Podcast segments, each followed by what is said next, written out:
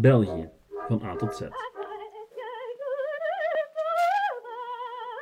Welkom bij België van A tot Z. Vandaag hebben we het over een van de meest Belgische onderwerpen die je zich maar indenken kan. Frieten. Want ja, die zijn Belgisch, toch? En dat de rest van de wereld ze French fries noemt, is niet meer dan een stom toeval. Toch? Wel, op die vraag en andere proberen we vandaag een antwoord te zoeken in deze aflevering van België van A tot Z. Ik geef het toe, liefste luisteraar, er is geen haar op mijn hoofd.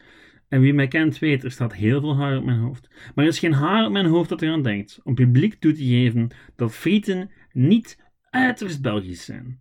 En eerlijk gezegd heb ik het hele French fries dingetje altijd erg irritant gevonden. Maar, zoals dat vaak gaat met geschiedenis, bestaat er niet zoiets als een simpele, eenduidige waarheid. Zelfs niet wat betreft de oorsprong van de nederige friet. Er zijn tal van ontstaansmythes wat betreft de friet. En ja, de ene is al geloofwaardiger dan de andere. Maar wees gerust. Op het einde van deze aflevering zullen we voor eens en altijd hebben aangetoond dat de friet Belgisch is. Of niet. Goed. Laten we beginnen bij het begin. En het begin van de friet, ja, dat is natuurlijk de aardappel. En dat is wel het enige feit in de geschiedenis van de friet waar iedereen het over eens is. Want geloof het of niet, de geschiedenis van de friet, ja, daar hebben veel mensen veel meningen over. En over de werkelijke toedracht, daar bestaan veel twijfels over. Maar goed, frieten komen van aardappelen en aardappelen die groeiden oorspronkelijk enkel in Amerika. Dus lijkt het in elk geval redelijk logisch dat er pas sprake kon zijn van frieten nadat aardappels door de kolonisator ingevoerd werden in Europa. In 1337 troffen zeker Jiménez de Quesada en zijn Spaanse troepen een dorp in Colombia aan, waar alle inboorlingen waren gevlucht. En te midden de voedselvoorraden vonden ze zowaar aardappelen. Niet de aardappelen zoals we die vandaag kennen, maar eerder kleine knollen, die het koken amper waard zijn. Goed, op termijn zou daar met de nodige kweekprogramma's of veranderingen komen, al was niet iedereen op het oude continent onmiddellijk bereid om de patat op te nemen in zijn dagelijkse dieet. Tot daar wat we 100% zeker zijn. Um, vanaf het moment is het eerlijk gezegd relatief moeilijk om te weten wat wel of niet waar gebeurd is omtrent de oorsprong van de friet. Dit is de Belgische versie. Uit sommige bronnen zou blijken dat mogelijk al op het einde van de 17e eeuw men dunne reepjes aardappelen aan het bakken was in de Maasvallei tussen Dinant en Luik. Dat ligt nu allemaal in België. Dat zou geen al te gek idee geweest zijn, daar men in die streek de gewoonte had om kleine visjes te braden. En als er plots geen vis meer beschikbaar was, ah wel, dan zou men maar aardappelreepjes gebakken hebben. Klinkt relatief aannemelijk, ook daar in de 17e eeuw de regio deel uitmaakte van de Spaanse Nederlanden. En aardappelen, ja, die konden dus relatief makkelijk geïntroduceerd worden. En er was ook regelmatig hongersnood in die periode, wat experimentatie met voedsel waarschijnlijker maakt. Maar ja, je kan je natuurlijk ook wel de vraag stellen of men te midden van economische crisis, oorlog en hongersnood genoeg olie of boter, olie of boter opzij kon zetten om rare knolletjes in onder te dompelen. Dus je kan wat vragen stellen bij het Belgische verhaal, maar goed, het is er. De Franse versie is een stuk uitgebreider. Want de aardappel heeft in Frankrijk een ja, iets wat langere en boeiende geschiedenis. De Franse versie heeft te maken met een legerarts die in het Frankrijk van de 18e eeuw probeerde om de mensen te bekeren tot de aardappel. En ja, nu klinkt dat relatief stom, maar dat was toen echt niet eenvoudig, want die aardappel die was nieuw. En die aardappel mag tegenwoordig wel een belangrijk onderdeel van ons dieet zijn, dat was hij vroeger zeker niet. Ook al verscheen hij in de loop van de 16e eeuw voor het eerst in Europa, dan nog zou het een tijdje duren eer de lokale bevolking haar argwaan voor die vreemde plant verloor.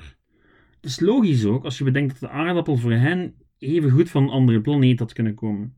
Goed, terug naar dokter Parmentier. Die werd tijdens de 7-jarige oorlog gevangen genomen en kreeg als onderdeel van zijn gevangenisrantsoen aardappelen.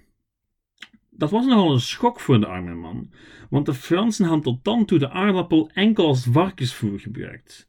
En in feite verbood het Franse parlement, of wat daar toen voor doorging, in 1748 zelfs de teelt van aardappelen.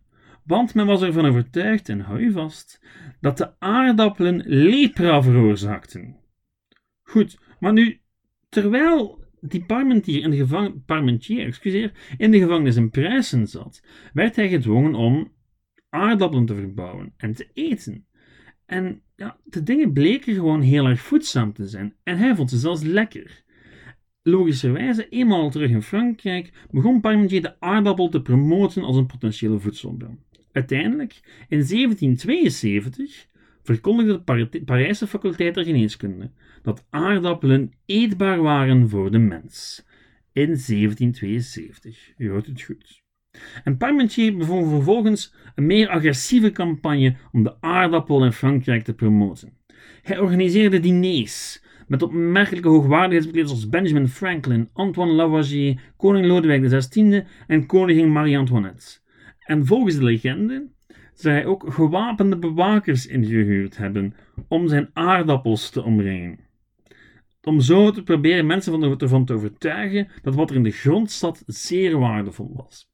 En om het nog beter te maken, zou hij tegen de bewakers gezegd hebben dat ze eventuele steekpenningen van mensen moesten aannemen en hen de aardappels moesten laten stelen. Fantastische marketing. Uiteindelijk ja, bleek er echt wel een hongersnood nodig om de aardappel populair te maken in Frankrijk. In 1785 om, precies te zijn. Het was de noodzaak die leidde tot een massale consumptie van de patat in Frankrijk. En daarmee kunnen we de geschiedenis van de aardappel in Frankrijk afsluiten en verder gaan naar het gele goud zelf, de friet. Op het eind van de 18e eeuw werd de friet ofwel ingevoerd vanuit België of ergens in Frankrijk uitgevonden. Feit is dat eenmaal ontdekt slash uitgevonden frieten zeer populair werden in Frankrijk. Met name in Parijs, waar ze op straat werden verkocht. En er bestaan geschriften die het hebben over een frietkraam op de Pont Neuf in Parijs. Nu, zo gezegd hadden de Belgen toen al een hele tijd frieten. Maar uh, ja, eigenlijk hebben we echt geen enkel idee wie er eerst was. Het belangrijkste argument voor de Belgische friet komt van journalist en populair historicus Jo Gerard. Nu moet worden opgemerkt dat dit allemaal gebeurde aan het einde van de 18e eeuw, wat maar liefst 100 jaar was nadat sommige mensen zeggen dat de Belgen al frieten zouden maken. Maar volgens anderen gebeurde het allemaal rond dezelfde tijd voor zowel de Fransen als de Belgen.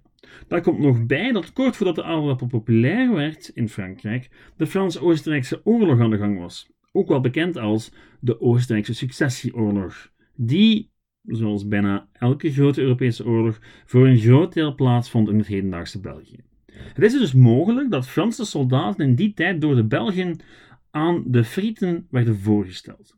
En dat deze voormalige soldaten enkele decennia later, toen de aardappel in Frankrijk populair werd, de bereidingswijze in de rest van Frankrijk introduceerden. Of, ja, het is ergens ook wel mogelijk dat Fransen zelf met het idee kwamen en ze rond diezelfde tijd naar België verspreiden. Of dat beide gewoon zelfstandig met het idee kwamen op exact hetzelfde moment. Dat kan natuurlijk ook.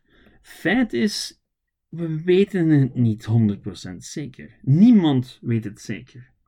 Maar als we niet echt weten waar die friet vandaan komt, dan kan je wel de vraag stellen: waarom kent de wereld buiten de Belgische landsgrenzen het dingen dan als French fry en niet gewoon fry of Belgian fry? Het zal u niet verbazen als ik u meedeel dat ook daar meerdere verklaringen voor zijn. Om te beginnen was er een zekere Thomas Jefferson, uh, u misschien wel bekend als de derde president van de VS. Nu, Thomas Jefferson die was voor hij president werd ambassadeur te Frankrijk. En in Parijs zou hij kennis hebben gemaakt met de friet. En die zijn chef, toen hij naar het Witte Huis ging, die nam een recept mee.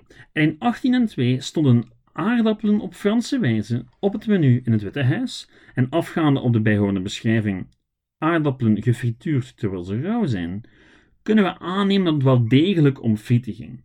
Uh, een korte excursus trouwens, wat Jefferson betreft. Uh, die man is ook verantwoordelijk voor de productie van vanilleijs en macaroni in de VS. Goed, terug naar de friet.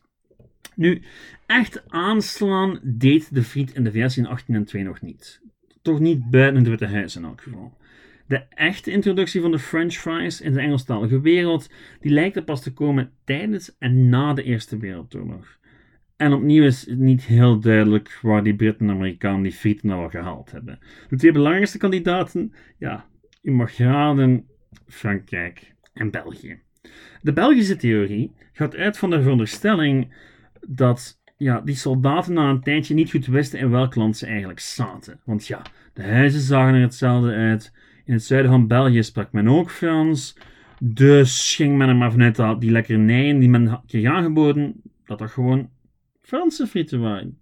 Dus French fries. Nu goed, volgens de Franse versie zaten die soldaten natuurlijk gewoon in Frankrijk.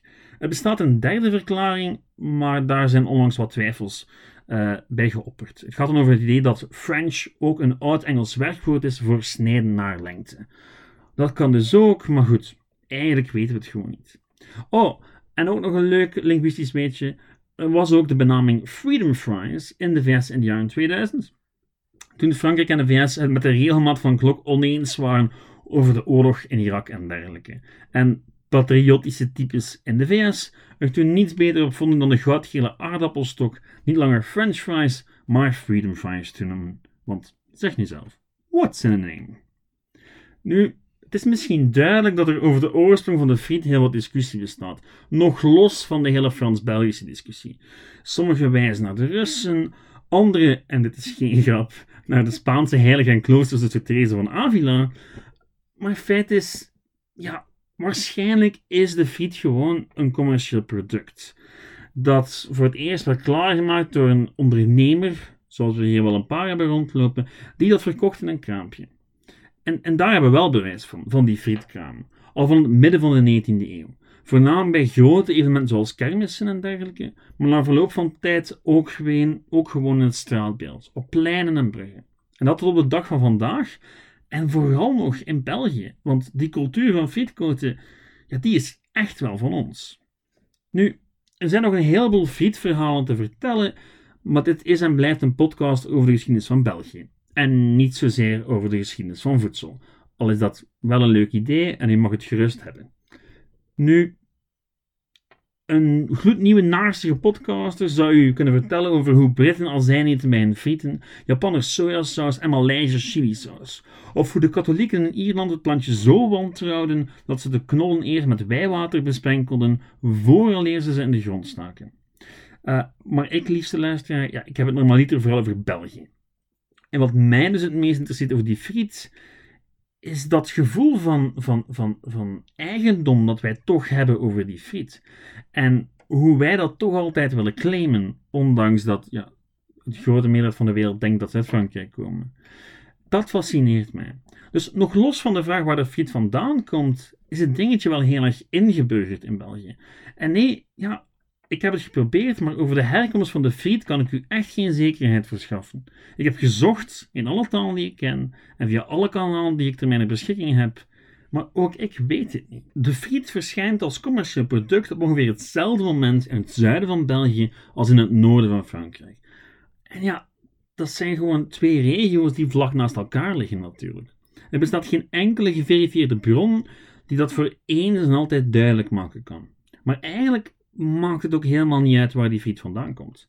Feit is dat er geen land is waar de friet een even grote rol heeft in de nationale cultuur als in België. Nee, ook in de VS niet.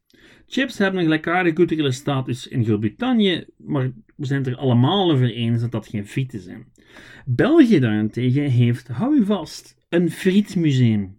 Een museum ter ere van de friet. Het staat in Brugge in een prachtig 14e eeuws gebouw en oké, de website is iets wat gedateerd, maar het is echt een museum. Waar u allerhande informatie kan vinden over de geschiedenis van de friet, wat de beste aardappelen zijn om frieten van te maken, en dan ook nog eens een hele uitleg over het kookproces.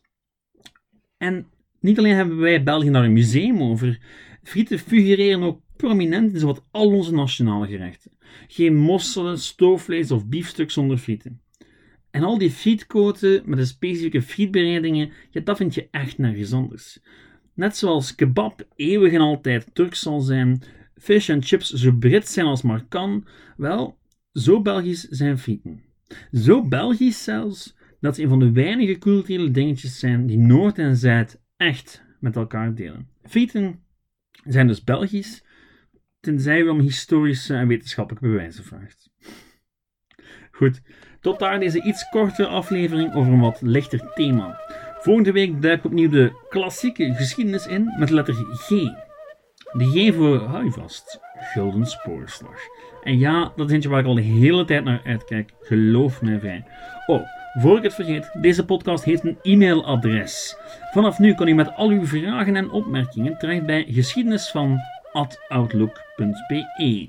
Geschiedenis van outlook.be. Verder is er ook nog steeds de Facebookgroep Geschiedenis van België en kan u dit edelprogramma steunen door sterren te geven op iTunes of hartjes op Spotify. Bedankt voor het luisteren en tot volgende week. Ciao!